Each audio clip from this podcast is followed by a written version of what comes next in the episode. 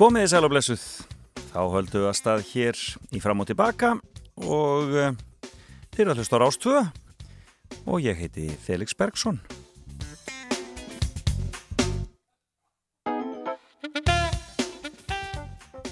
Áttafréttir að baki og það var dásamlu fréttin sem að Jörgur Jósefsson skrifaði upp úr uh, dagbók laurlunar uh, um uh, hömlu lítil partiljón og helst til vilt veistluglamur í Hafnarfjörðu og Kópói og dólgslega farþegi legubíl og výmaður og réttundalösi raukuminn þetta var alveg þetta var, þetta var, það var mjög gaman að heyra önnu Kristínu lesa þetta alls saman. Vel gert. E, já, gaman í mínu bekk í dag, gaman að vera með ykkur á þessum ljúfa sunnendasmotni það er nú svona helst til dumbungslegt hjá okkur á höfuborgarsvæðinu en ég vissum að þið eruð að fá indælsveður bæði fyrir austan og norðan. Um, enda söðaustan átt sunnan og vestan til í dag og morgun strekkingsvindur og köflum annars hægar í söðlagi átt og fremur vætusamt en þurft á norðaustur og austurlandi og hittinn 5-12 stig og það er líast á norðaustanverðarlandinu í dag. En við áttandi 13 stegi hitt á morgun og það eru bara rauðartölur í kortinu alla vikuna og um, já já það mér sínist að vera náttúrulega blöytt hjá okkur hér uh, sunnan heiða. En um, við sjáum hvernig þetta verður. Sjáum hvernig þetta verður. Þetta er miskusti uh, það er ekki miskusti þessi kuldakreistingur miskusti svona fram eftir vikuna miskusti gaman að því. Uh, ég á góða með gestum hér í dag. Hann kemur til minn, hann Baldur Kristjánsson ljósmyndari hér eftir smá stund og uh, við ætlum að fara saman í gegnum fimmuna hans en hann uh, er búin að vera að gera mjög skemmtilegt verkefni á Instagram þar sem hann fer um bæin og spyr hvað sé jákvægt við þetta ástand?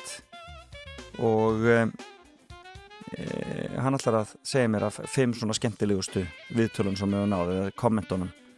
Og svona ætlum að þess að ræða þetta verkefni það er útrúlega skemmtilegt hjá hann og svona verkefni ljósmyndar almennt í svona ástandi. Um, og bara kynastónum aðeins nánar. Og svo hér eftir nýju fréttinar þá ætla ég að ringi hana hana Ífu Marín sem að kefti í söngakefni og slóð þar algjörlega í gegn með lagi sitt Oculus Videre Oculus Videre og um, hún er að koma nýtt lag núna í mæ en mér nokkar bara svona að heyra hvað verður að frétta. Og svo verður frétta geturinn á sínu stað. Og þá getið þið sendt mér þá getið þið ringt í mig og tekið þátt það kemur í ljós allt betur hér á eftir. Svo er það náttúrulega bara tónlistin.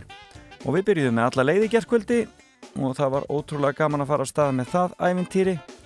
Um, þátturinn sem verður í um, sjónvarpinu um, eftir e, 16. mæ e, EBU þátturinn, hann heitir Europe Shine a Light. Og við vorum að tala um það eins í gerðkvöldi þann þátt en ég er alveg sannfærður um að þetta er næri nafni sitt frá þessu lagi hérna. Love shine a light in every corner of my heart. Let the love light carry Let the love light carry. Light up the magic in every little part. Let our love shine a light in every corner of our hearts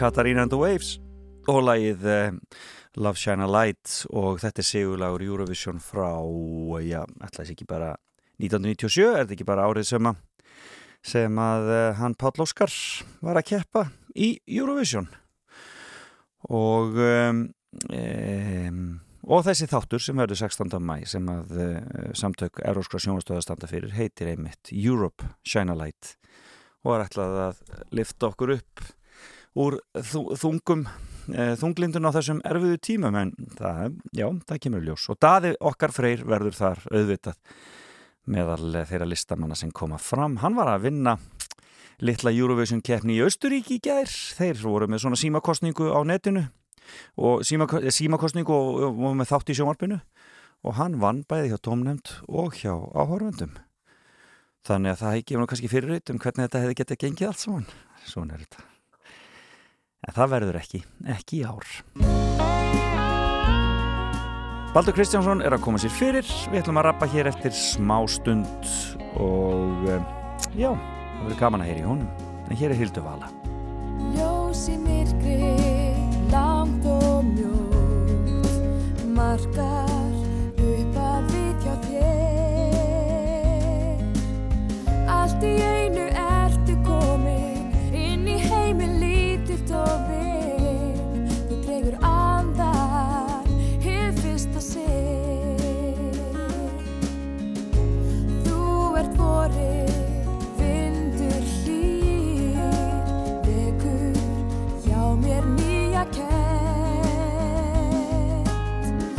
ég græti gleði minni. Þú gefur mér með návist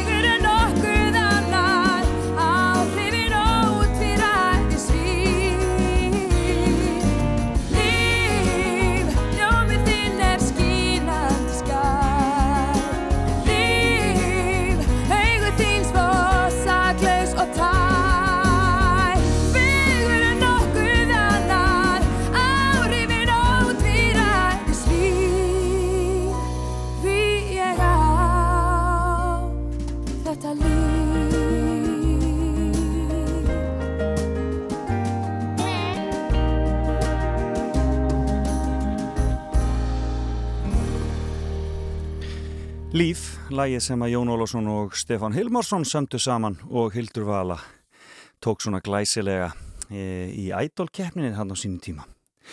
En góðu gestur er sestu til mín í hljóðstofu frammi í Andiri. Baldur Kristjánsson, góðan og blessaðan daginn. Góðan og blessaðan og takk fyrir bóðið. Hvernig hefur það þannig frammi? Þetta er aldrei súralí sko en, en þetta er skemmtilegt að upplifa þetta sko. Ég sitt hérna á einn í einn í sófanum og drekka þetta fína kaffi og já, líður bara nokkuð vel. Og horfir út á bílastæði? Já, nákvæmlega. það er bara svoleiðis. Svona er þetta á, á þessum, þessum döðans óvissu tímum. Það þarf, að, það þarf að breyta öllu. Það þarf að retta sér og þetta er góð byrtingamenn þess að, hérna, fólk einhvern veginn aðlaga sig að þessu bara. Já, algjörlega. Og það höfum við þurft að gera hérna í efstaleitinu. Og nú er sko, hér er öllu skiptum í sóttvarnarsvæði, það eru tíu sóttvarnarsvæði í húsinu og menn mega helst ekki tvara á milli þeirra, þetta er mjög aðtilsvært hvernig þetta er allt saman. man eftir að hafa heyrt, ég tekki nú nokkar sem er að vinna en og svona þeir voru, svona tók eftir í mjög fljótlega, þeir voru, voru komni með þetta í einhver svona, eh, búin að holfa þetta vel niður alveg frá eiginlega byrjun. Já, og það er, ná, flestir eru bara farin að vinna heima. Já, En hvernig er það eh, með ljósmyndara? Þú náttúrulega ert bara í þínum eigin rekstri, þú ert ekki, þarst ekki að ágjöra mikið af, af öðru fólkin í þínu stúdíu og þú bara stjórnar þessu sjálfur eða ekki? Jú í rauninni sko, sem er nú kannski, sem er nú kannski hérna, þú veist, það sem að þeir þurft að díla við bara í rauninni, þú veist, Já. eins og allir bara í þessum geira held ég. Þetta var, þetta var svona eiginlega hálf komist eftir að hyggja, maður var alveg með, komið með þetta dagskrá hann ekkert mann í byrjunum mass og var að sjá fram á hérna, mikla bara törn eins og þetta er nú á þessum tíma oftast. Já, auðvitað, fermingarnar og Já, það allt saman. og einmitt og alls konar auðlýsingar og, og hérna áskýslur og fleira og svo var bara einhver, það var eitt mánudagur hann, ég man ekki svona miðjan mass sem að ég tók einmitt bara svona screenshot af e-mail inboxinu, það bara fylltist alveg bara cancel, cancel, cancel sko, en, en þú veist, það, það var bara ekkert annað í bóði, til dæmis með að sminkur ekki vera að sminka og Nei, nei, nei. þannig að maður er eiginlega búin að vera bara nýta þetta í svona já, taka bara svona snembúið sumafrí sko En finnur að það er að byrja svona að hreyfast aftur, að menn er fættin að hugsa til næstu mánuða? Já, og mér finnst það. Mér fannst vera alltaf svona stór munur bæði í vinnunni og bara þegar maður hittir fólk einhvern veginn eftir hérna páskafríð Já, og þegar við vorum búin að ná þessu hámarki sem vonandi fá ekki neitt svona slag já, aftur. bakslagaði mitt, já. Já, þá einhvern veginn fannst mér svona aðeins fólk vera uh, lappa um knarreistara og svona, það var eitthvað, eitthvað, aðeins færið að stað. Einmitt, en þú ert búin að vera í þessu verkefni að fara bara út á götur hreinlega, Bókstallega, já, sækja myndir og sögur. einmitt. Hve- hve- Hvernig fegst þessu hugmynd? Þetta var eiginlega, þetta kom bara sjálfu sér. Ég var hérna, ég fór, held að hafa verið 24. mass og þá svona var einhvern veginn alveg, var, var þetta orðið ljóst að þetta var orðið daldið alvarlegt ástand og, og hérna, og, og hérna, sagt, sketsjuli fyrir bara í vinnunni, það var bara búið að setja allt á ís Já. og hérna, ég, á, ég fann bara að það var svona, þú veist, maður var alltaf ákjöfullur og maður fara að ofhugsa þetta og maður var einhvern veginn í stúdíónu og, og þú veist, einhvern veginn að reyna að finna einhverja leiðir og ég hugsaði bara, heyrðu, ég verði eiginlega að setja mér einhverjar bara svona reglur fyrir sjálfa mig þannig ég haldi sönsum. Já, ég og það. var nú ekkert vola flóki, ég hugsaði bara, ég ætla að fara að lappa hérna allavega 5 km á dag. Já, og eitthvað, þú veist, hendu Twitter og símanum og Facebook og maður var einhvern veginn alltaf að sjá einhverja fréttir og svona var búin að vera dagana undan á covid.is að lesa þetta graf og eitthvað, ég hugsaði bara, herri, ég, ég þarf aðeins bara að pása sjálfa mig, bara aðeins að minka þetta allt og þú veist, reyfa mig og svona aðeins að bara tæma, tæma hausinn, sko, sem Já. var veginn alveg á miljón já, og á þessu göngutúr þá bara þá sá ég svo margt sem var svo augljóst að svona aðstæður sem hefði ekki verið nema út af ástandinu. Og, og ég, þú veist, lappaði bara áfram og alltaf einhvern veginn var ég að hugsa, veist, þetta er, þetta er einhver mögnu orka sem er hérna og það er svona, eins og segja, aðstæður sem að bara hefði ekki verið til staðar. Nei.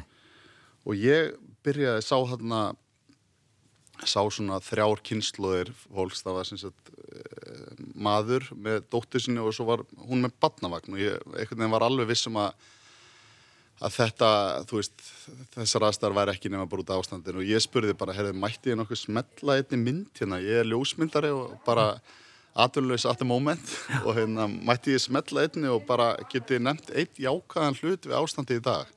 Það var ekkert mál.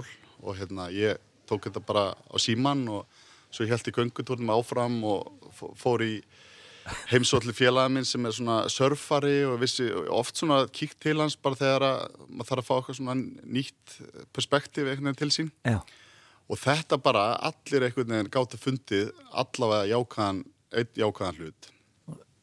Og svo bara spannst þetta ég var komið, endadagsins komið fullan síma einhverju símamyndum og hugsaði bara herru, ég hendi þessu bara hérna á stories í, á Instagram. Já. Og vissi ekki til rauninni hvað hvort að þetta er bara þessar tíu myndir sem komið fyrsta daginn eða hvað. Já. og já, og setti bara setninguna sem þau sem sagt, nefndu undir og fekk svona þvílegu viðbröðum við þessu. Og fann það bara hjá sjálfum mér einhvern veginn daginn eftir að ég var bara fann að hlakka til að fara hérna lappa með fann að sæbrutinu og fara út að granta og, og þetta var bara svona einhvern veginn ég bara hjálpaði mér sko Akkurat, en ég meina uh, tökum þetta bara í fimmu og ég vil bara fá svona fimm, þarna, svona fimm eftirminnilegustu kannski frá þér já, einmitt hver, hver, Hvar myndur þú þá byrja? Ég myndi byrja á, hérna, þetta er einmitt svona, veist, ljósmyndina sem slíkar, ég kannski ekkert, þetta var svona samblanda, kannski, eða kannski meira það sem fólk sagði og einhvern veginn aðeins sögurnar á bakvið það sem ég Já, valdi. einmitt Og hérna, það var, valdi hérna fyrst sem var taka nummið tvö sem var Elli félagið minn sem er með, hérna, hann er ljósmyndar líka og hann er alltaf verið, búin að þekka hann síðan í grunnskóla Já. og hann hefur alltaf verið rosa mikill svona náttúru kall og farið í, þú veist, bara fjölskyldanans í, í fjallgöngur og verið mikið á skýðum og seglbere, eh, hérna, surfa og eitthvað og hann, sem sagt, ég kíkti á hann og hann einhvern veginn var alveg bara sami gamli góði Elli og bara, og hann tók myndaðan við, hann var að púsa brimbretti sitt. Og hann, hérna, segir Uh, eins og er uh, eins og einhver hafi ítt á reset-taka allir hafa tíma til að hugsa sinn gang og hvað skiptir máli. Já, akkurat. Og ég held að þetta hafi nú kannski summir að þetta var svona rauðu þráður oft, oft þegar maður hitti fólk svona, og ég fann það og tengi bara mjög mikið við þetta sjálfur Hvernig maður er einhvern veginn bara neittur í bremsuna bara nú stoppar þú og hugsaði aðeins málið sko. Einmitt, þetta var dálítið harkaleg handbremsu, Já. handbremsu hérna, beigja sem við þurftum að taka en, en þú veist, kannski þurfti maður eitthvað aðeins á því að halda Það var Elli vinnið þess og þarna, hva, hvaðan, hvar varstu með honum í skóla?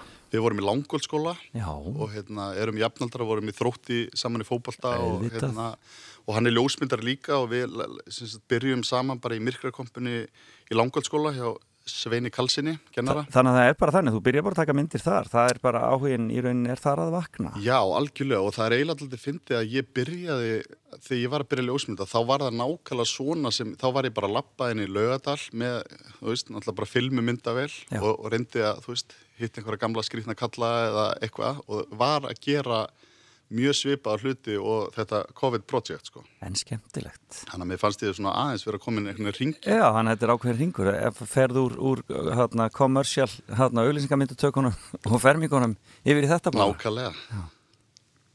Þetta er dásanlegt, dásanlegt. Já, en, þann, en hvernig var að alast upp í, eh, hérna, í þróttarakverfinu? Það var alveg æðislegt. Það er ótrúlega gaman að vera þróttari, það er að segja að vera stuðningsmæður þróttara, en maður þarf að sætta sig við að við erum, við erum ekki mikið að vinna, svona, veist, við erum ekki í klúburinn sem að, hérna, erum að lifta mikið að byggurum, en ég held að við séum með svona, já, getum sagt alltaf með þeim skemmtlegri svona áuröndum og fylgis, fylgisfólki. sko. Sannarlega. Þannig að sem kannski háir okkur líka svona inn á vellinum, en, en það, ég tek allavega það, það er gaman að vera þróttari. Já, akkurat, akkurat. En annars var þetta bara frábært, þetta var bara uh, fótbolti á daginn og svo vorum við hérna, uh, já, erum, höfum haldið rosalega stert hópin, við köllum okkur svona 104 strákanir Já, og það eru, já, bara bestu vinni mín í dag og svo kom einhverju fleiri þegar ég fór í Vestló en við höfum haldið mjög, mjög mikilvæg tryggð þessi, þessi æskuvinni sem er, sem er frábært. já, akkurat. Það er auðvitað einmitt, Sóli Hólmar einmitt hjá mér hérna, eh, fyrir ekki svo raungu síðan Einmitt, og hann er held í hluta þessum sama hópi eða ekki rétt hjá mér? algjörlega sko. Að og er, hérna við erum já og maður svona átt að sjá því bara maður, eftir því sem að vera eldri sko hvaða er í rauninni frábært að eiga vini sem maður kynntist sko 5 eða 6 ára já, mikilvægt, já, sem að þekkja því alveg bara út og inn. einmitt Næsta mynd, hvað, hvað, hvað er næsta mynd sem kemur upp í huga? næsta mynd var líka tekin held ég bara fyrsta daginn Já. þá var ég að semst, labba tilbaka nýr á stúdíóum mitt á skólavistík og þar eru bara tveir guttar að hérna, skeita á, á, hérna, á Ingolstorgi og maður sá einhvern veginn bara þú veist, ég, veit, ég veit svo sem ekki hvað eru gamlir eitthvað í tíundabekka eða eða einhvers staðar í grunnskóla. Ok, og hérna tók bara myndaðum þeir með skeitt hérna, eða semst hjólabrett sín og segja bara meira pláss til að skeita. Og mér varst þetta líka svona daldið þegar maður hitti yngra fólki að það kannski það kannski hafði ekki veist, það hafði öðruvísi áhrif á þau þau voru ekki með einhverja fjáraslegar áhyggjur eða í rauninni kannski nei, nei, akkurat, mikið að hugsa um veist, að þau myndi endla veikast mikið eitthvað en þeir bara voru sáttir, það var engin, það var engin á, á torkinu og þeir gáttu bara skeita eins og það væri í hjá þeim. Já, akkurat skemmtilegt. Og voru bara, voru lausir og allir Já, já, akkurat, það voru engin túristar að lappa þann og þeir þurftu ekkert að passa sig og þeir voru bara hæst ánaðar, síndist mér Þetta er algjör snild Það er náttúrulega daldið, það er hægt að sjá ég hefði ákvaði í öllu, það er dásanlegt Já, það, eins og segi, það stóð ekkert á fólki að, þú veist, það var ofta styrtið einhvern veginn að kötti þetta niður, sko, stundum Já. var fólk búið að tala um og alls ekki að gera lítið úr, það voru allir mjög sambólum það að þetta væri, veist, þetta væri hræðilegu hlutur og Já, það væri rosalega margir alvarlega hlutir mm -hmm. en svona stundu þarf maður aðeins að setja þetta, bóksa þetta niður og, hérna, og kannski fókusera aðeins á þetta jákvæða svona, ég held þetta ég held að, já, alltaf fyrir mig personlega eitthvað en þá gerir þetta, þetta tímabil sem við erum alltaf ennþá í svona aðeins bærilegra Já, akkurat En svona uh, að því að við erum að tala um þessa myndir, við erum búin með tvær hérna, hva, hva, getur fólk séð þetta eitthvað annars þar en á Instagram? Ég er eins og er, er þetta bara á Instagram, en Já. ég er svona, ég ákvaða að leifa þessu verkefni daldi að þróast bara, ég vildi aldrei hérna, voru einhverjir, einhverju auglisendur sem höfðu samband og tjekkuðu hvort ég getur gert eitthvað samstarf eða, eða sama hvað og einhverju svona spuru hvort það er eitthvað bók eða eitthvað, en ég hef svona, ég fann það bara að þetta þurfti að vera algjörlega bara dag frá degi. Já, akkurat. Og hérna kannski hendi þessu hendi ykkur svona heimasíða þessi kringum þetta en, en svona hef bara lift þessu aðeins að vera í rauninni lifandi. Akkurat, algjörlega. E, Tökum einni viðbútt áður við förum í e, e, eitt lítið lag. Já. Hver er þess að þriði? Herru, þriðja myndin er hérna, þá var ég að lappa upp skólaverðu holdið og það var þetta var eins og einhverju bíómynd, einhverju sci-fi mynd, það var eiginlega engin á göttunum og það var snjókoma, byrjaði að snjóa hérna, þetta var hérna einhvern veginn alveg í lokmast þegar einhvern veginn veðri ofan á þetta ástand varð bara eins og þetta væri, eins og segja, bara bíómynd. Og maður væri, maður hugsa á bara, þetta er bara einhverju léleg sci-fi mynd sem ég væri til að komast út úr sko, en hérna, en, en þá voru eh, þryggja manna fjölskylda sem voru efst á, á holdinu við Hallgrímskirkjuna og voru með svona, svona andlitsgrímur til að bara verja sig svona, mm -hmm. eins og mhm. hérna túristanauðstundu með Einmitt. og standa hana fyrir framann Hallgrímskirkju að enginn í kringuðu og hérna rosalega flott fylskilda og þau segja bara þögnin og þetta átti svo vel eitthvað við mómenti, það var enginn í miðbænum það var já. sko einhvern veginn kingdinu í snjó og þau hann með gríminar og minnst þetta, já, þetta er svona ljósmyndalega sé rosa flott mynd finnst mér og hérna Leifur Eiríks í bakgrunn og, og já. Og þetta er íslensk fjölskylda? Íslensk fjölskylda, já. Úti að njóta þagnarinnar? Já, akkurat. Og þau voru, hann er tónlistamæður Ben Frost. Já, einmitt. Og hérna, já, eða semst, já, hann, ég veit nú ekki alveg hvað hann er uppið. Hann er ástrálskur, ástrálskur, Ben Frost er ástrálskur. En hefur gerst Íslanda heimili sínu. Einmitt, nákvæmlega og þau, þú veist, ég geti nú þess að vita eitthvað en ég geti bara að trúa svona fyrir listamann eins og hann sko, tónlistamann þá ja. þetta verið svona örugla bara smá inspiration Reyn og klár inspiration, akkurat Heyrðu þetta er aðeinslegt, hefur sko að taka okkur smá pásu hlustum á læði sem þú valdir. Þú valdir stjórnina? Já, þetta er einhvern veginn stjórnin er náttúrulega bara svona algjör klassík og hún er einhvern veginn ef hún varð einhvern tímar hallarisli hjá einhverjum þá held ég að það sé alveg búið sko, því að þetta er náttúrulega bara algjört gull. Og maður á bara að láta sér líða vel. Já, ég, þetta er gott að hækka vel í þessu og bara lappir upp á borðu og einn góðu kaffibólli sjá því jákvæði í öllu. Við höldum áfram að spjalla eftir að Sigga búin að syngja. Og Gretar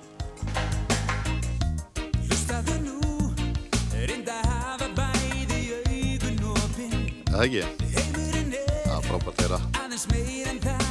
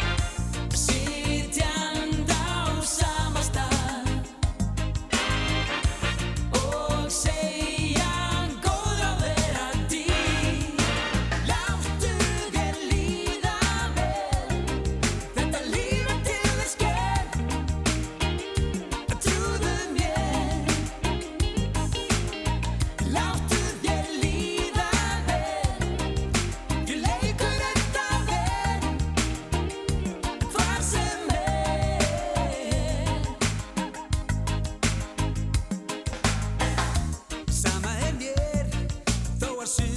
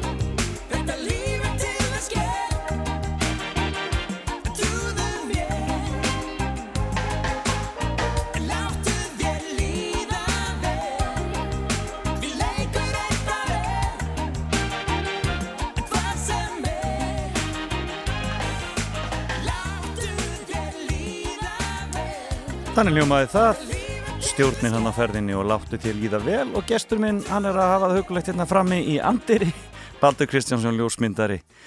Já, já, eh, við vorum komin að fjórðu mynd í þessari myndaseríu um, þar sem fólk er að horfa á björnstuðliðarnar í þessu ástandi. Og hvaða mynd er það? Herðu, það er, við tekað fram, það, þetta voru sko einhverja 250 myndir sem ég tók hérna þreim vikum, þannig að þetta var, þetta var svona, en, en alveg ánæði með allar, en hérna næst, þannig að ég bara, þetta var einhvern veginn líka sko af þessum, af þessum 250 svörum, þá var þetta oft, þú veist, stundum daldið djúft og eitthvað frum hverju við og eitthvað, en stundum var þetta bara svona litlu hlutinir sem að kannski voru aðeins öðruvísi og smá svona komískir sko, en þarna er ég með hann Óttar Proppi hérna á miðjum skólaugristík sá hann þarna og hafði einmitt og, og, sko hafði verið að mynda nokkrum árum áður þegar hann var heilbreyðsar á þeirra Já, og það sýnir kannski hvað við erum, veist, lítið land bara, þú veist, hefði hann verið áfram þá hefði hann verið algjörlega ringiðinni, sko. Og nú er hann bara orðin verslunastur í bókabúð. Nákvæmlega, og hann stendur hann alveg á tómum skólaugristík og segir bara litlar sem engar líkur á að lenda fyrir bíl Þetta er stórkostlegt. Þannig að það líka var oft gott svona þegar að hérna, fólk hérna sagði eitthvað sem að var kannski ekki alveg augljóst og eins og eitt sagði sko ef ég hætti ekki að naga negluna núna þá ger ég það aldrei. Og þannig að mér fannst óttar og hann, hann er náttúrulega bara svo ótrúlega flottur að mynda sko og hérna. Þannig að já, ég, ég, ég valdi hann Þetta er alveg dásanlegt og ég, sko, kannski fyrir þá sem að uh, kunna ekki á þetta þá á maður bara að fara að leita að þér Baldur Kristjáns Já, á Baldur Instagram. Kristjáns, og þar eru allar sögurnar hérna um, COVID positive emmitt, og, hérna, og þar kemur þetta allt saman. Akkurat. En það er meira sem að tengist þér og það er kannski þessi ferðalögans föðvíns nú er hef, horfi ég hér á myndi á, á Facebook hjá mér uh, frá Þorláksmessu uh, þegar að þið standið á góðuravonar höfða þú og fóröldra þínir er þetta ekki rétt hjá mér? Jú, alveg hárrétt Þarna þú ert búin að vera mikill partur af þessari, þessari ævintira förans um heiminn Já, ég er svona reynd að tróða mér hæfilega mikið inn í þetta, þetta projekt hjá honum, sko. En hann alltaf er, það kannast kannski einhverju við hérna, það voru sjónvastættir sem voru síndir á, á rúf sem heita Ringfarin, Ringfarinn, alveg rétt, það var, það, var, ég var, það var orðið sem ég var að leita Emmitt, og hann, heitir þarna, Kristján og er Gíslason nákvæmlega, mikið rétt. Já, hann hérna, hann í rauninni bara búin að vera, hann er bara búin að vera ferðalangur á móturhjóli síðan núna, hann hafi ekki farið upprunlega 2014 já, einmitt. Og fram að því hafði ég aldrei tengt pappa minn við móturhjól þetta var eins og ég hef hann er kannski árið leiður á því sko, en ég er alltaf að segja hann hafi fengið króniskan gráa fyrringin Já. um þetta leiti sem ég held að sé svona, svo sem alveg rétt og fælegt en hérna, já, hann hann sem sagt ákveður hérna einhvern tímann 2014 held ég að hann ætli nú bara að dempa sér í eina ringferð um, um heiminn, einn á móturhjóli já, svona eins og maður gerir bara. Eins og maður gerir, Já. nákvæmlega. Og, hérna, og hann var bara í þe þeirri aðstöðu að geta gert það það hefði verið í hérna, fyrirtækjarekstri með tengdapappa sínum í, í mörg ár og, svona, já, já, Og, það, og, hérna, og hann bara ákveða þetta og ég held að hann hafi nú enga veginn gert sér grein fyrir hversu mikið ferðalag og, og sko, hversu bara hversu margir hlutir myndi koma upp. Já, út í hvað hann væri að fara. Nákvæmlega. Já, En hann er þarna alveg í, held ég, tæft ár, 11 og halva mánuð og fer bara bókstala, byrjar hérna, ég kveða hann bara á litlu kaffistofunni og hann fer með nokkru félögum sem að fylgja honum austur á land og taka Norrænu og fara með hann til Tyrklands. Og það hann tekur bara við því líkt æfintýri já, akkurat. Og ég náttúrulega meðan þessu, þessu ferðalagi stóð þá var ég náttúrulega bara í svona fekk maður e-mail frá honum og, og fylgdist með og, og hann, hann er svona mikill, mikill ljósmyndari sko, ég hef, held ég hafi Já, bakteríuna frá honum og afa. Þannig að hann er að taka myndir svolítið sjálfur mjög mikið sjálfur og, og hérna bara fl mjög flottur ljósmyndari og hann er rauninni sér þættir þeir sem að eftir þeim, þá er þetta í rauninni bara eiginlega mest allt efni bara frá honum. Já, hann var bara alveg, alveg eitt þannig og hann já og svo er ég eiginlega bara var alltaf vissum það að mér langaði að hérna, hitta hann, mér finnst þetta bara það magnadæmi og það var til að ég hitt hann, flög til hérna, Chile. Og þá var hann búinn að vera einhverja sjö mánu og var að koma þaðan frá Ástralíu minni mig. Og ég kerði með honum sem sagt Chile og Argentínu. Akkurat, 2015 nei mitt og síðan þá hefur hann í rauninni bara hann er ekkert hættur og langt í frá. Hann var núna að klára bara hérna, Afrikuför sína sem að voru einhverjir fjóri-fimm mánuðir. Já. og þá hitti ég hann einmitt í lokin hitt hann í Dörban í Suður Afriku og hjólaði með honum. Og mamma kom svo aðeins setna og við kláruðum þetta hann á, Já, á þólasmessu þarna á þólasmessu nokkulega Bara síðsta, síðsta, síðsta åtta Afríku bara. Einmitt. Og það var náttúrulega alveg, alveg stórkoslegt En eh, ég hef nú að segja að- að að- að mamma þín er róleika hvort þessu, Ástísa Rósa.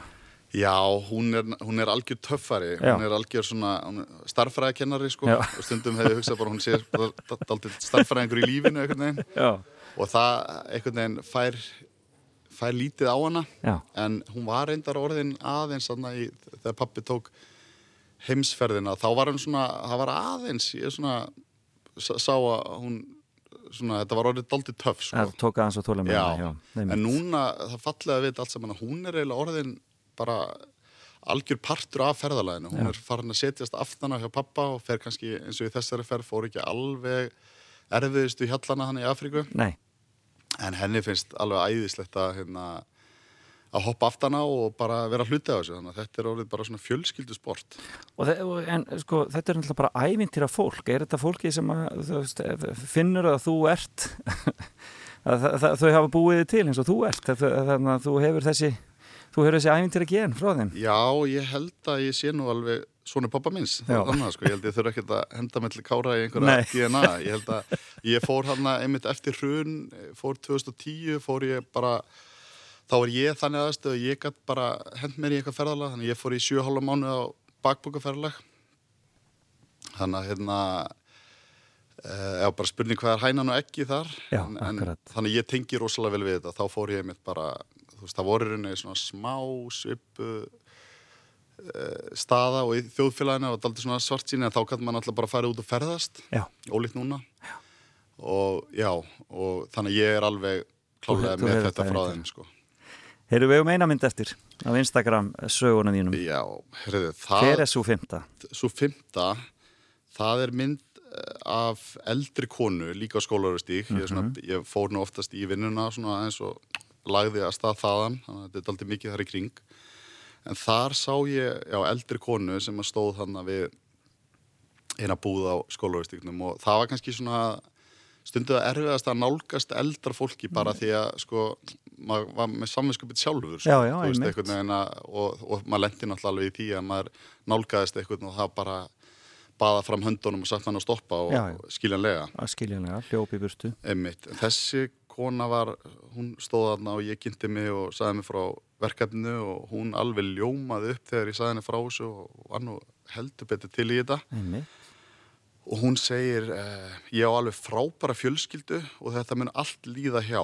Guðni Ír Jónsdóttir. Og hún, alltaf, hún var ekki með Instagram þannig að ég, ef einhver hérna ættingi er að hlusta á þetta þá bara með endilega sína henni þetta. En hún svona, ég, manni fekk vi, góð viðbröð við þess, þessari mynd. Það var einhver svona það var einhver svona falleg bara von og sín á þetta hjá henni. Og hún alveg brosir og þvílið flott. Guðni Ír Jónsdóttir. Já, Skemmtilegt. En það er, það er smá reyfing í þessu í þessu myndum.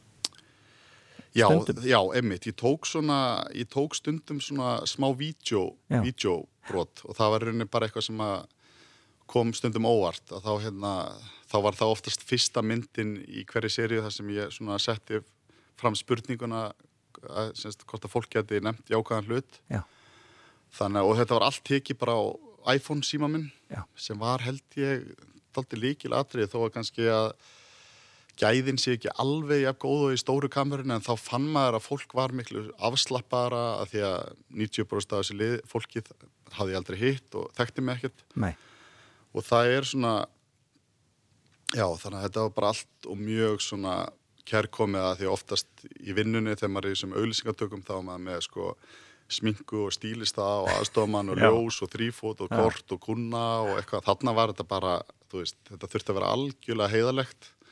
Bara tekið á síman, hugsanlega kannski eitthvað aðeins lístana, sett kontrast en ekkert meira en það.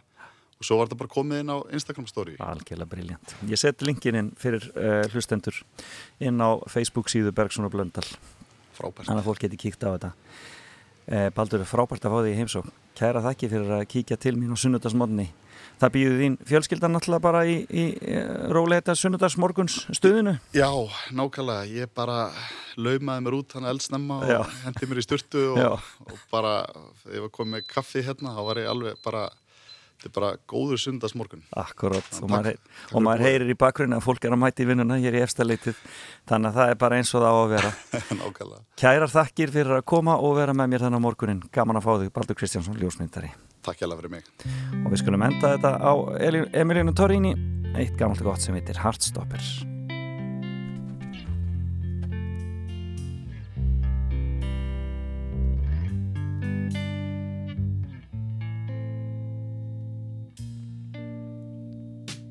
You said I began this messy state of love affairs, and I drink too much and smoke too fast. That this city's cleared my innocence. Coffee's pouring out my ears. It's the only thing they have in here, and my heart stops beating.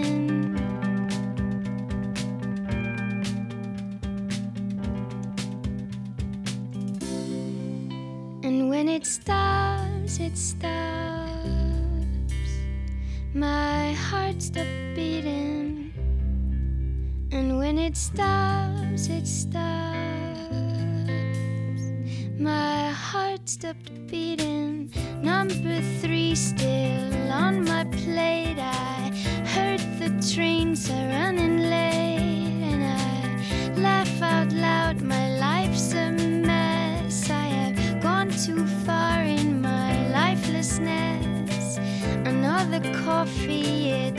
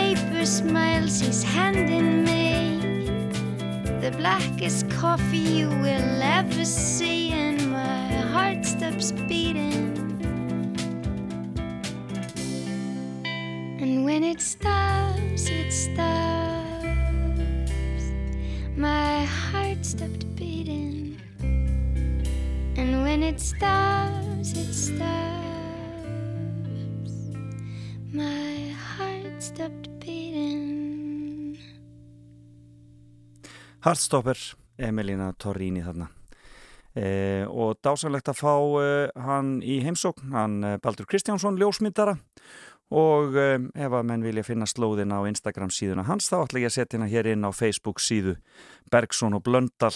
Og það er ótrúlega gaman að skoða þessar myndir sem hann hefur tekið og setningarna sem fólk segir. Það er alltaf hægt að finna í ákvæðinni í öllum, það er ekki spurning. Beint úr efstaleitinu í Reykjavík. Fram og tilbaka á Rástfö.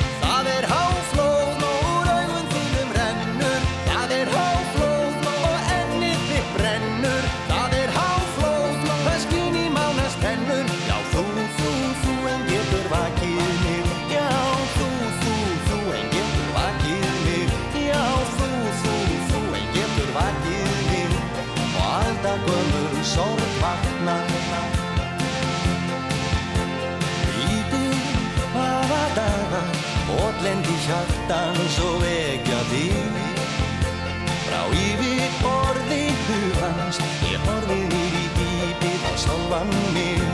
Í rakri óttans Hvíslar sálin ég elska þig. Meðan ómur þau sliðna Gárar vatnið og leggur sig. Sveimar þú á glærum vængjum Það er kallt þarna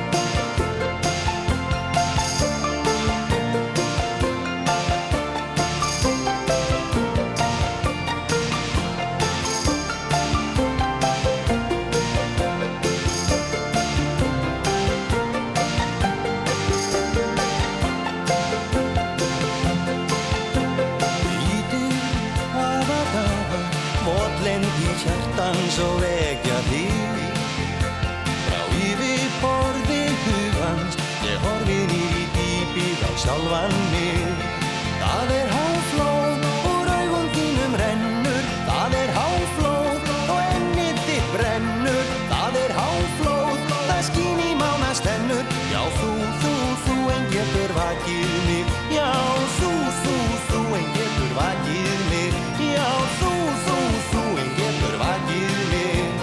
Alltaf gömur sorg vaknar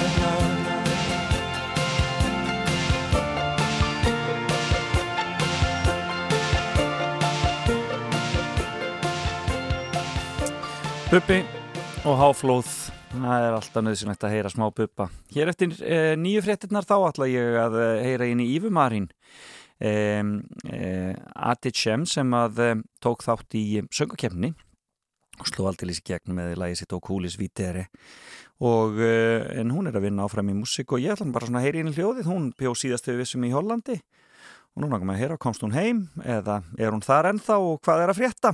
Heyrum henni hér á eftir. Og svo verður frétta geturinn á sínum stað auðvitað fullt í gangi. Já og ég var að setja þessar um, þessar um, uh, senast, uh, link eða tengingu inn á Instagram síðun hans Baldur Kristjánsson og ljósmyndara. Þannig að þið geti kíkt á hana eða viljið. Það er ótrúlega skemmtilegt að sjá hvað uh, fólk sér margt jákvætt í þessu ástandi þessa dagana. Og frábær hugmynd hjá uh, Baldri að fara af stað með uh, síman og fá þessar litlu sögur. Og hefur sannlega glatt marga að fylgjast með því. En hér er hann Aldós Harding. Ég hef nú spilað þetta mikið. The Barrel. I feel your love. I feel was a child, I never knew enough what that do to me.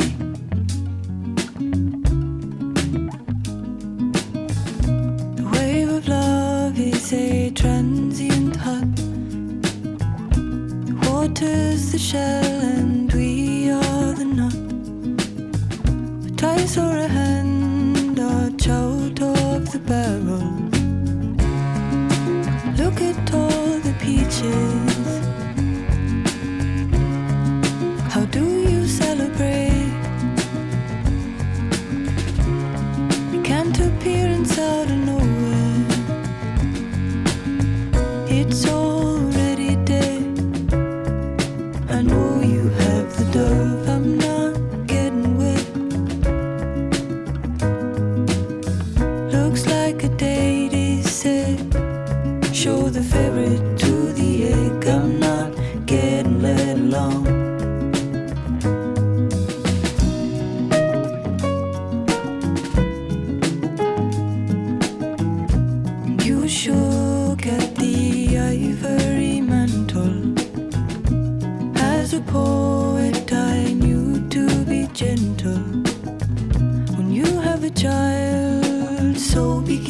the braiding, and in that braid you stay.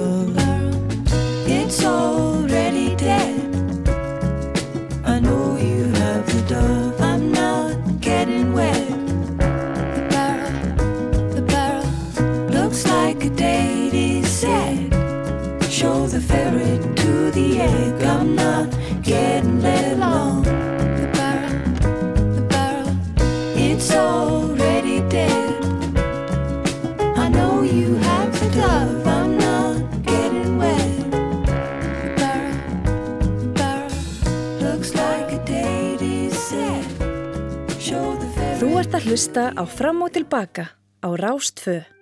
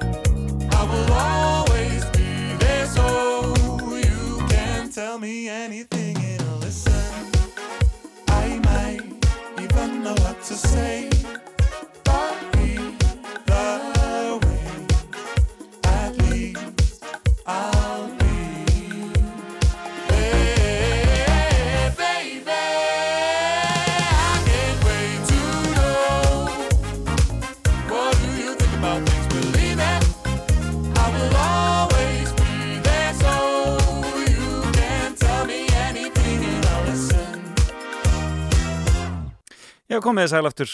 Þegar þú stá fram og tilbaka hér á Rás 2 og ég heiti Felix Bergsson. Og um, það var Daði Freyr og hans fólk sem að hóðu þetta hjá okkur hér eftir nýju fréttinnar og það voru skemmtilega fréttir í gerkvöldi af þeim. Það voru um, austuríkismenn heldu litlu söngakeppnina sína í vikunni.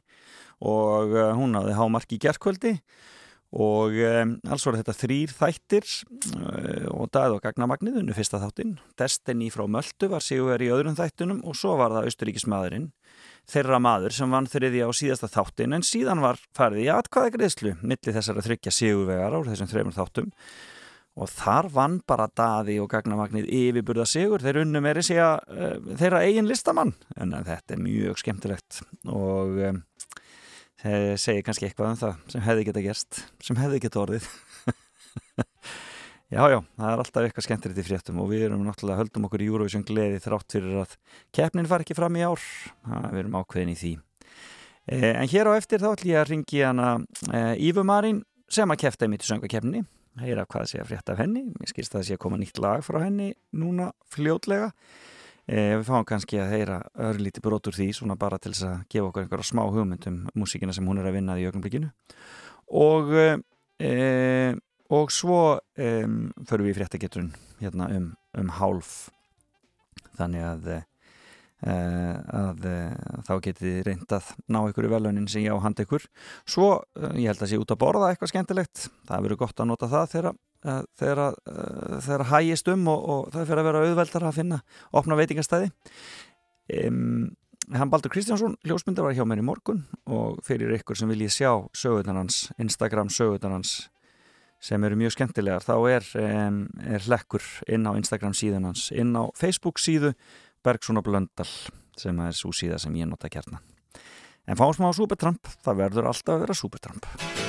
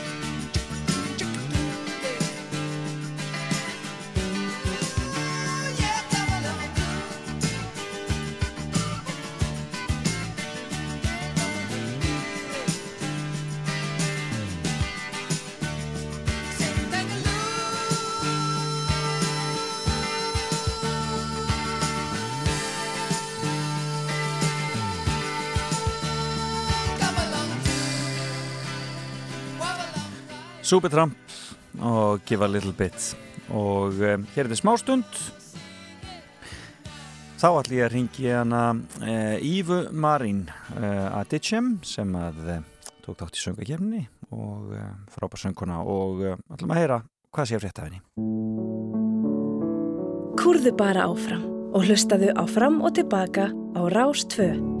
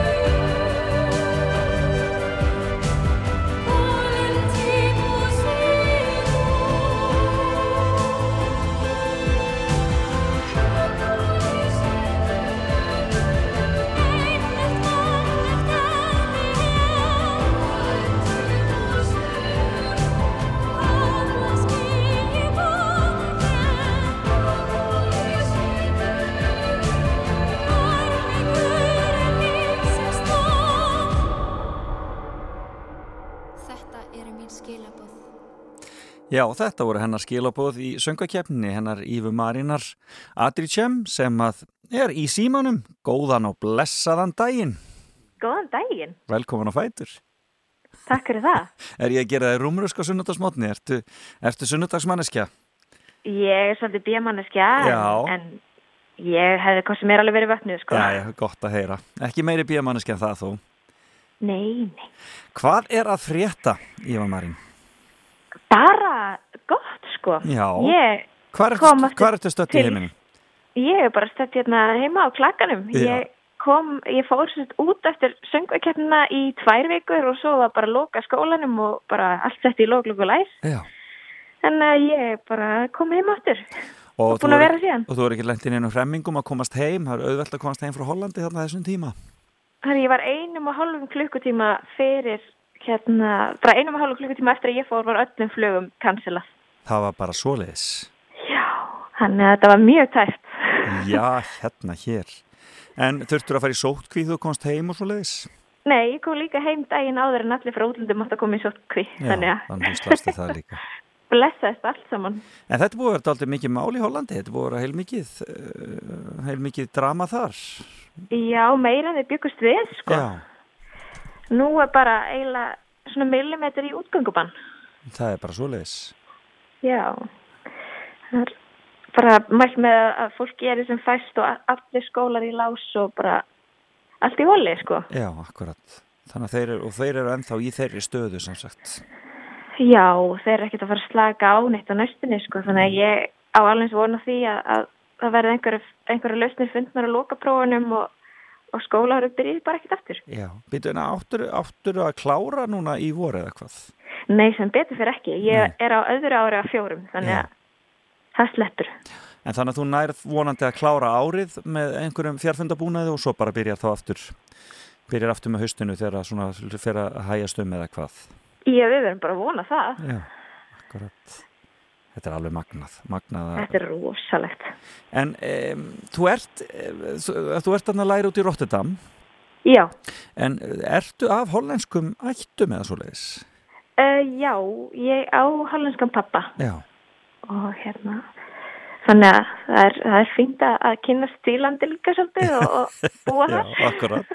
Talar þá hollensku eða? Já, ég svona, kemst skamlust frá því.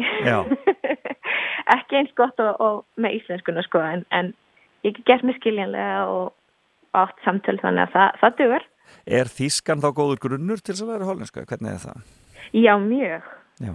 Ég er alveg, ég er náttúrulega kann bæði þannig að ég er alltaf sundum að ruggla þannig að Það var svona þegar ég var að læra þýskuna mest í mentaskóla en þegar ég flytti til Ólands þá náttúrulega komið allt saman bara aftur. það er skengið, það er skengið. Já, þannig að það, þú, en, en, en hvað ertu þá að barndúsa þessa dagana svona þegar að þú ert í, ert ekki í skólanum? Ég er nú bara í hálfgerði einangrun eins og ég held flestir sko. Já. Ég er hérna bara hlýða reglunum og vera ekkert ómikið að heita fólk og já, svo bara er ég aðeins að fekta í tónlist og að Já. syngja. Ég vil gera alltaf vitlis að heima hjá mér. Nú, það er svo leiðis.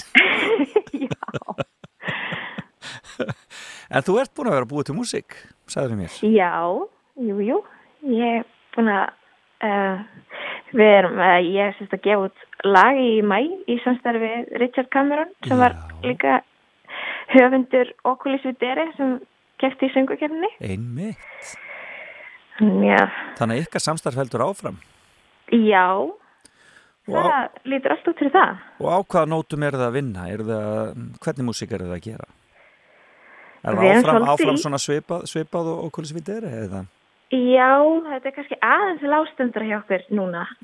Aðeins minni júró-feelingur. Akkurat. En þetta er áfram svolítið svona draumkent pop með mikla áherslu á hljóðfæraleg. já, einmitt. Að það eru svolítið stóra svona útsendingar sem við erum að gera og, og já, ég er bara sæmulega ánum með þetta sko. Frábært, en spennandi. Og eh, Richard, hvernig kemur til þetta samstarf ykkar Richard á eh, svona upprunlega? Já, gaman að segja frá því. Hann er hérna gammal vinnu pappa mín Já, já, já. og ég kynnist hann vel ekkert fyrir en ég flytt út til Rotterdam þar sem hann er að koma á okkur listasýningu og, og spyr bara eiginlega út í bláinn hvort hann hérna, mig hitta mig í hátægismat og það er náttúrulega bara sjálfsagt og svo vorum við eitthvað að tala um tónlist og þá segi ég honum að, að mig langi að taka þátt í söngukeppninni og hann var alveg steinhissa en hann var með að segja mér bara eftir að hann upplýði söngukeppnina á Íslandi að þá skilur hann alveg stemninguna og, og bara menninguna bak við söngukeppnina Já, og sér möguleika niður.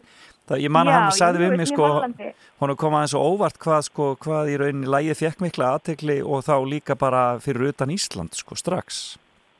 Já, það gerði það. Ég, það, ég er ennþá svolítið að ná því einhvern veginn. Já. Ég ætti ekki vonað að það færi svona hátt. Einmitt. En já, svo náttúrulega er bara útrúlega gaman að hafa fengið að taka þátt í þessu. Ég skell samt, ég er ekki að ljúga að maður, eftir að maður söng í, á síðasta kvöldinu, þannig að dætt maður hún í eitthvað svona tómarum, bara, ha, þetta er búið. Já, akkurat, Þú veist, maður er búin að vera að lifa fyrir þetta alveg sinni í oktober, lóka oktober. akkurat. og já, þetta, þetta er mjög skrítin tilfinning að allt einu sílingunni í söngukefni. Já, og það var margir listi líka sko bara, bæði sem taka þátt í bara undakefni hei, hérna heima og svo líka bara þeir sem fara út. Að þegar því líkur, það er jafnvel ennþá stærra, þú veist, það bara, það bara, það bara eitthvað neinn og svo lýsa aðdándum þessari, þessari eftir Eurovision Depression sem er fara í. Þegar Eurovision búið þá fara aðdáðandunni líka í hverfón í svarta hólu er alveg ekkert lengi, því það var að koma sumar og, og algjörlega, algjörlega. Og það er dál og- svo auðvitað má maður bara ekki dvelja við svona lengi, menna það er hérna, maður bara heldur áfram og, og er virkur og það, það er fullt af, fullt af alls konar skemmtilegu framöndan.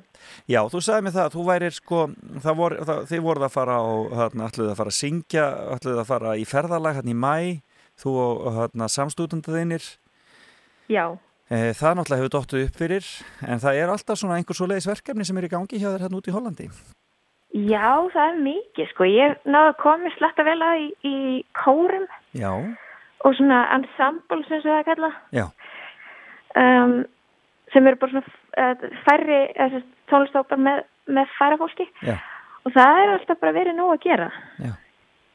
um, bara mjög skemmtilegt en það er náttúrulega allt uh, öll páskavertíðin datt niður og líklegast bara allt út sumarið að já.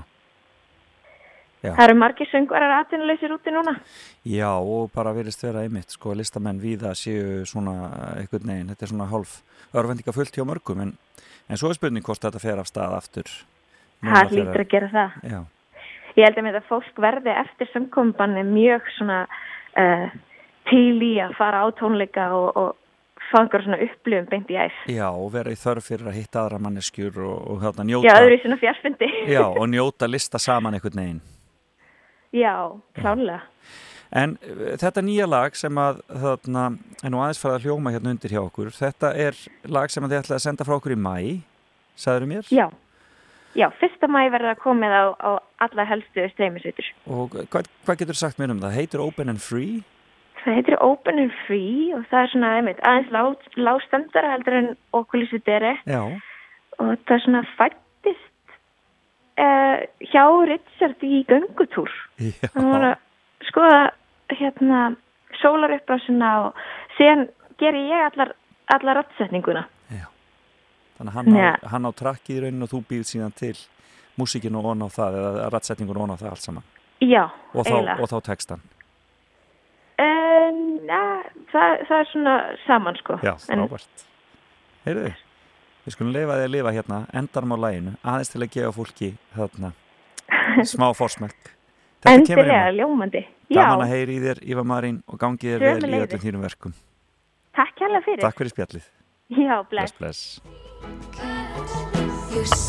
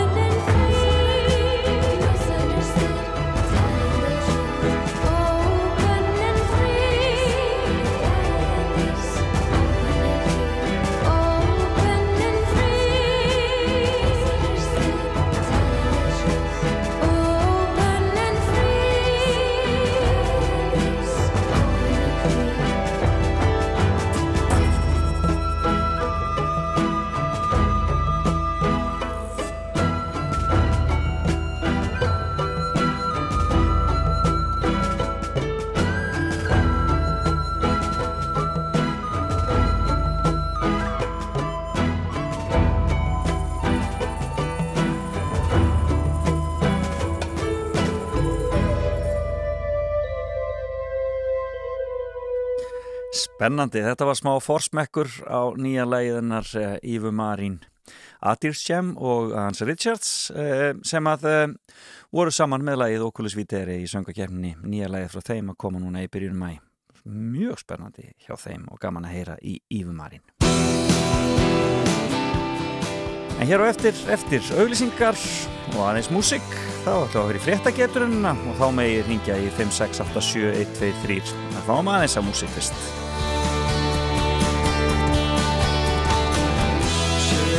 of skill. What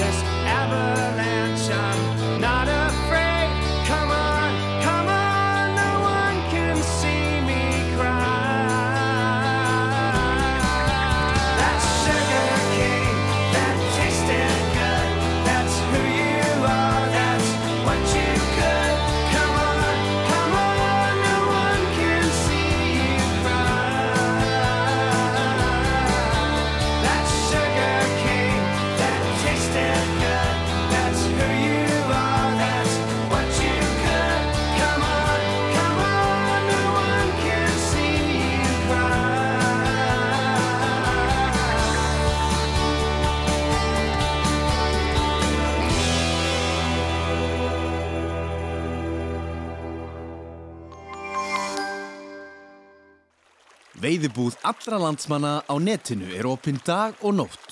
Sendum samdægus. Veiðihornið.is Velkomin á Fætur. Fram og tilbaka á Rástfö.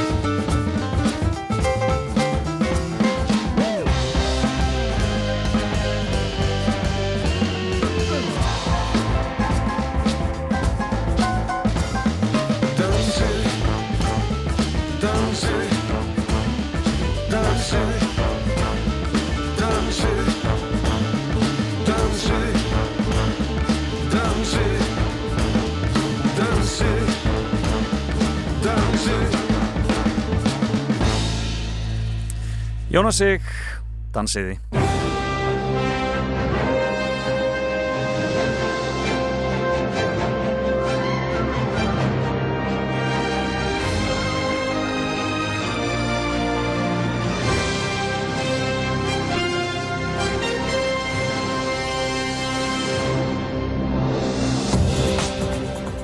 Já, já, já, já, já, já, fréttagetrunin komin í gang.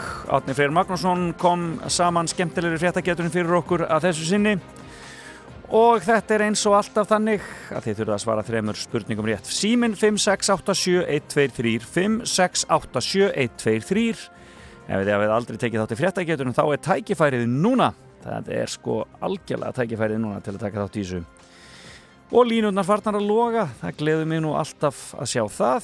5687123 Þið getið hringt og tekið þátt í fréttageturinn. Jæja, ég held ég sé tilbúin með þetta. Heyrim í fyrsta. Góðan daginn. Nei, enginn þar, þessi gafst upp strax. Heyrim í næsta. Góðan daginn. Góðan dag. Góðan dag. Sætalveis, hvaðan ert þú að ringja? Ég er að ringja bara úr Reykjadal. Já, það er aldrei liss. Hvernig er veðrið hjá þér þennan morgunin? Það rignir nú á okkur núna, það er búið að vera gott veður sem daga. Já, frábært. Já, Alltaf blíða fyrir, alltaf fyrir norðan. Já akkurat. Förum ekkert nánar út í það. Heyrðu, en þú ert til í fréttageturinn. Já. E, þá skulum við bara skella okkur í þetta og ég spyr fyrst. Í vikunni kíkti Þóróli Guðunarsson, sóttarnalæknir, til Gísla Martins í vikunni á Rúf. Þóróli greipi gítarinn, en hvaða lög söngan og spilaði? Herðu, já, hann var nú í brekkusöngnum, en úf, nei, ég manna það ekki. En mannst það ekki? En nú, þetta er nú alveg sko, þetta er sko þjóðsöngurinn sko. Heyrðu, gott, takk fyrir þetta. Ok, takk fyrir að ringja. Já, hann var ekki með brekkusöngin á hreinu. Góðan daginn. Halló. Góðan dag. Góðan og blessaðan daginn. Sæll og bless. Já, hvaða lag var það sem að Þóróli söng? Það var hérna, ég veit þú kemur í kvöldtímin. Það var nákvæmlega það. En það, já, það er bara, uh, maður verður að vera brekkusöngur þegar maður er með gítar. Hmm. Já, akkurat. Og hefur búið í Vestmannum.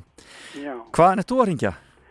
ég er í grafvænum. Þú ert í grafavóinum og það er náttúrulega sami dumbungurinn þar, er það ekki? Og annar staðar? Jú, það er sjá ekki sveðu sko. Já, akkurat.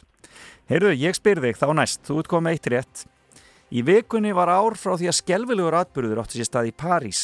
Hvaða atbyrður var það? Var það ekki hérna brunin í kirkjunni hérna?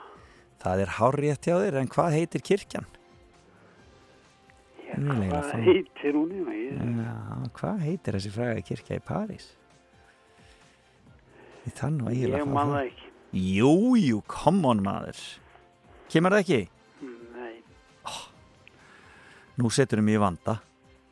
Á ég að gefa þér rétt fyrir þetta? Ég þann og eiginlega að hafa nafni á kirkjunni.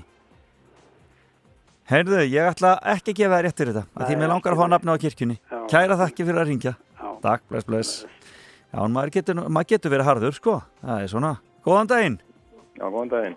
Manst þú hvað, eh, hvað atbyrður þetta var sem var fyrir ári í París? Mm, Það var brunin í Notre Dame kirkjunni. Það er Notre Dame kirkjan. Já, var ég svolítið vondur við hann að leifunum ekki að fá rétt fyrir þetta. Já, já. Já, en ég er bara verða að lifa með því. Hvort ég kemur í ljós hvort ég sef í nótt. Heyrðu, en hvaðan er þú að ringja? Ég er einhver kamstanga. Já, hvernig er verið hjá ykkur fyrir norðan? Það er bara dásamlegt. Er það ekki? Er, er, er dumbungur hjá okkur eða er, er bjartar yfir í dag? Hvernig er það? Það er bara lókn allavega. Já, lokn, það skiptir öllu máli, ég er svo sammálaðir. Heyrðu, þá ert þú komið eitt rétt og nú spyr ég, nú spyr ég, í vikunni mærði bandaríska tímiriti Forbes, Danmörku, Finnland, Ísland, Noreg, Nýjalsjáland og Þískaland fyrir góð viðbröð við COVID-19. En nú spyr ég þig, kæri vinur, hvað eiga þessi ríki sameigilegt sem Forbes benti á? Það eru kvenkins leituar. Það er hárétt hjá þér. Það var nákvæmlega það að konur væri í fóristu hlutverki og um, e, þarna og það fannst þeim e, benda til að það væri svona öðruvísi stjórnunarhættir eitthvað svo leis. Heyrðu, þú áttu e, möguleika á að vinna þetta og þú tekur næstu hjá mér. Hérna er ein ansi góð. Í vikunni bárust fréttir af leka úr gömlu skipsflaki úr setni heimstyrjöld. E, þetta er í seyðisfyrði. En hvað heitir skipið sem ólíjan lekur úr? Hvað heitir? Hvað segirðu? El Grillo. Það er alveg hárétt hjá þér. El Grillo er rétt svar. Vel gert. Hvað heitir maðurinn? Magnús heiti ég. Magnús, hversson? Eðvaldsson. Eðvaldsson. Á ég ekki bara að senda þér gjafabrifið þitt? Jú, það verður bara dásamlegt. Hvaða heimilsnokastu með á er Mánagvata fjögur. Mánagata fjögur og það er, hvað er Kvamstongi? 530. 530 Kvamstanga. Hvernig er staðan hjá ykkur uh, í COVID-málum í Kvamstanga? Þetta er alltaf réttri leið. Já, ekki, það var, það var hansi mikið, uh, mikið uppnám hann á tímabilið það ekki? Jú, jú, þetta er allt svona, Þetta er alltaf, alltaf nýðulega réttilega til maður Já, það er gott, það er gott. Við byrjum kærlega að hilsa norður og uh, ég sendi þér gjafabrifið sem að er út að borða eitthvað staðar sem að verður bara nýtist þér þegar, hlutinni fara að róast hér en þarna en ég sendi það um leiðu ég kemst í það, ég sko, ég, til hans ég kemst ekki að skrifborðið mitt núna, af því að það er svo mikið sóttarnasvæði í efstaleitinu þannig að ég verð að senda þér eitthvað í vikunni Kæ, fyrir það. Kærar þakkir fyrir að ringja. Já, bless, bless Og þakk ykkur öllum sem að ringdu og tóku þátt í fréttagetunni í dag. Það var Magnús Eðvaldsson á Kvamstanga sem að tók þetta hjá okkur þennan morgunin. Hér er Celeste og lag sem heitir Stop This Flame.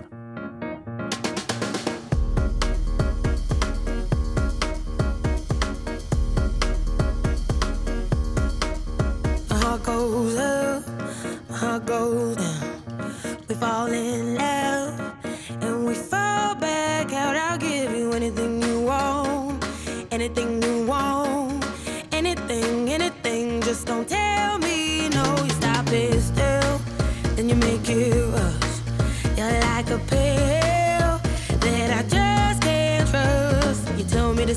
keep on going. Tell me to stop, but I keep on going. Tell me to stop, but I keep on going. Keep on, keep on, keep on. You'll never stop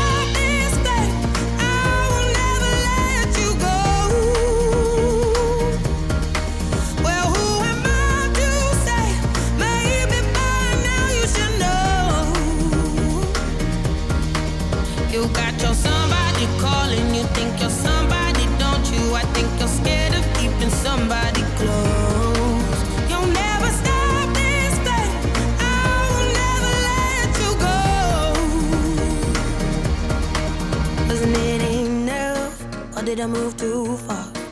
It's all too much. I think I must be mad to give you everything I had, everything I had, everything, everything, but it still went bad. Tell me to stop, but I keep on going. Tell me to stop, but I keep on going. Tell me to stop, but I keep on going. Keep on, keep on, keep on. You'll never stop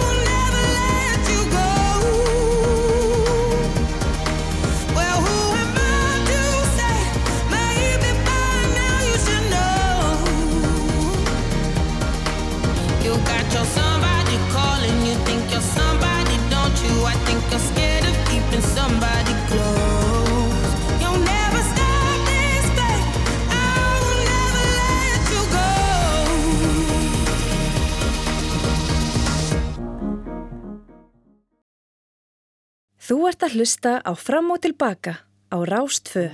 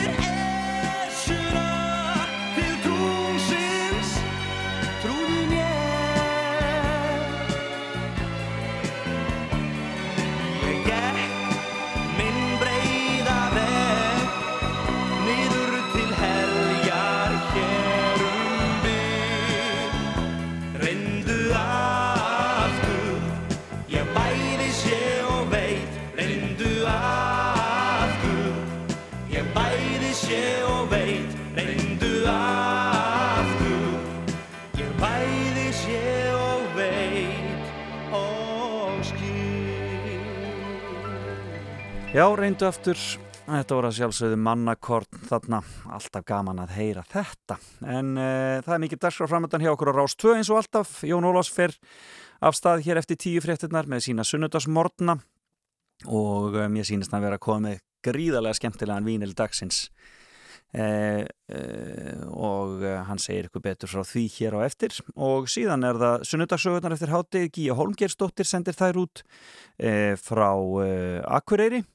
Og eh, ég var búin að sjá það hjá henni hver gestur hennar í dag. Jú, Vilhjálmi B. Bragason, Villi Vandræðaskáld verður gestur hennar. Og við höfum nú spilað Vandræðaskáldin hér í þessum þætti. Síðan er það Rocklandið hjá Ólapalla klukkan fjögur Uh, og uh, já, mig grunar nú við fáum líka fund almánavarna hérna klukkan 2 og uh, en klukkan 3 er það tímaflakkið með Bergson og Blöndal. Það fyrir við Margret Blöndal með ykkur hlustendur í tímaflakk. Og það verður skemmtilegt. Og svo er það þátturinn hans Orra Freys í kvöld 21. öldin og svo undir aldan. Þannig að já, það er margt í gangi hjá okkur á Rás 2 og uh, við hvetjum ykkur eindreiði til að vera með okkur áfram hér og uh, njóta þess að hlusta á skemmtileg viðtölu og ljúfa tóna. En hér er Billie Eilish og bondlægið hennar. Margir móðalar hrifnir af þessu. Og það er ég líka. No Time to Die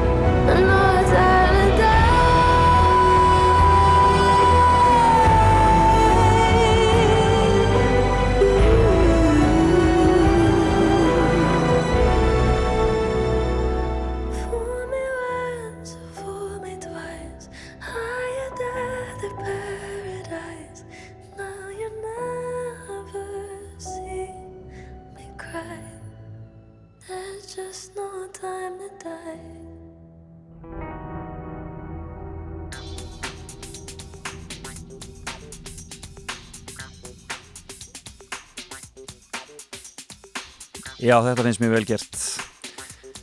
No Time to Die og um, þetta var Billie Eilish. Ferlega flott lag hjá henni. Og verður gaman að sjá hvernig þetta áttur að koma inn í bondmyndina ef hún kemur þá. Og hvenar sem hún kemur, það verður spennandi. Ætla sé ekki jólin. Ætla sé ekki jólin. Heyru, þetta er að búi hjá mér í dag. Jón tekur hér við eftir smástund og skellir sér í um, eitthvað skemmtilegt. Skemmtilega íslenska tónlist hann er sérfræðingur í því og vínild dagsins verður á sínum stað. En um, gestir mínir í dag uh, ég ringdi hana Ífu Marín Adir Shem sem að uh, tók þátt í söngakefni og uh, hefur vakið miklu aðtegli hún er að koma nýtt lag núna í mæ heilum aðeins. Forsmekkin af því, mjög spennandi hjá henni.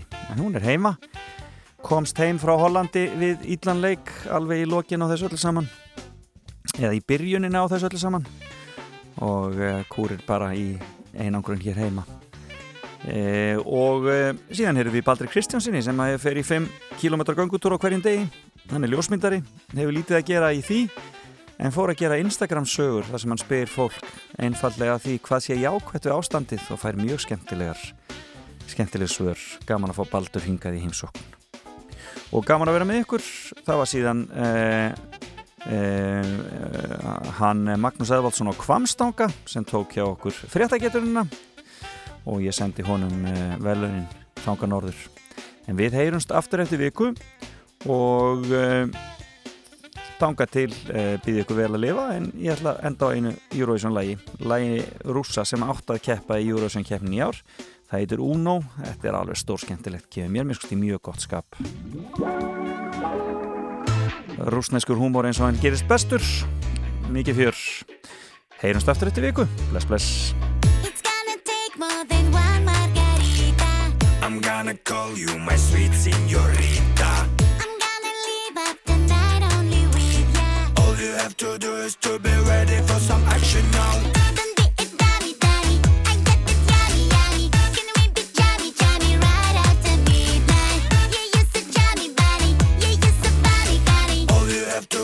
to be ready for some action now